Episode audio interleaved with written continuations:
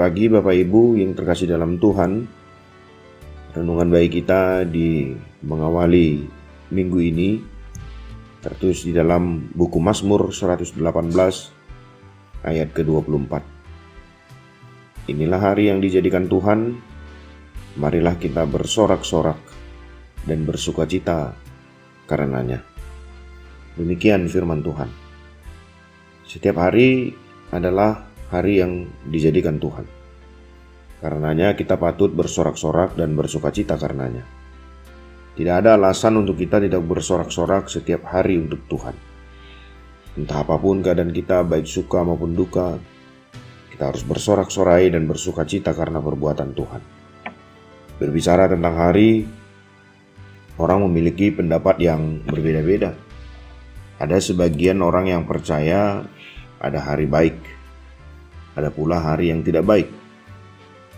Ada hari yang membawa keberuntungan dan ada hari yang membawa sial. Ada juga bulan baik, ada juga bulan yang kurang baik. Padahal kita perlu memahami bahwa setiap kesempatan atau hari baru adalah anugerah dari Tuhan untuk kita pergunakan sebaik mungkin. Semua hari adalah sama, yang membedakan adalah sikap hati dan pikiran kita. Memungkinkankah bagi kita saat ini di situasi yang kita alami saat ini untuk senantiasa bersorak-sorak dan bersuka cita karenanya?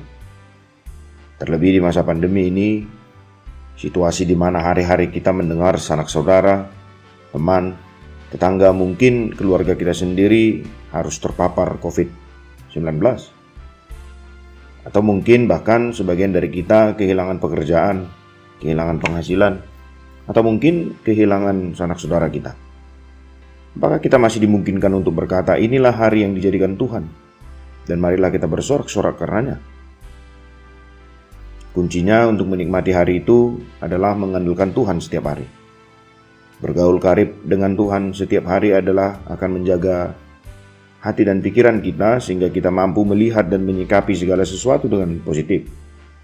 Sikap inilah yang membuat hari-hari kita menjadi baik sehingga hati kita pun akan melimpah dengan ucapan syukur. Inilah yang dirasakan Daud. Dengan tentram aku mau membaringkan diri, lalu segera tidur sebab hanya engkaulah ya Tuhan yang membiarkan aku diam dengan aman. Daud menjalani hari dengan tentram karena dia senantiasa karib dengan Tuhan. Apa yang sedang berkecamuk di dalam hati dan pikiran kita akan mewarnai hari-hari yang akan kita lalui. Bila kita memulai hari dengan syukur dan sukacita, maka hari kita pun akan berdampak positif bagi pikiran, bagi hati kita. Sebaliknya, jika kita mengawali hari dengan kemarahan, persungutan, putus asa, kekecewaan, maka sepanjang hari itu akan berubah menjadi hari yang kelabu dan bahkan menyesatkan bagi kehidupan kita. Kesulitan hari ini Bila kita lewati dengan sukacita, maka akan menumbuhkan pengharapan yang hidup karena pemilik hari adalah baik. Kembalilah kepada firman Allah, Tuhan memberkati.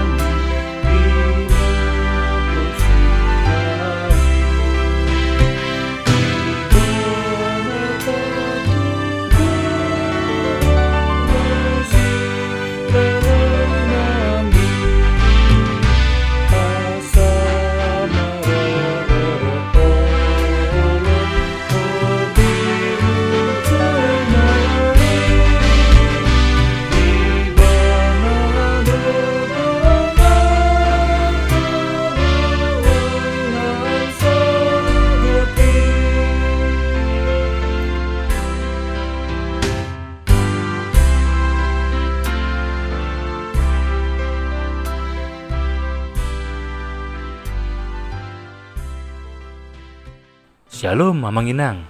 Terima kasih sudah mengawali hari dengan mendengarkan renungan hari ini.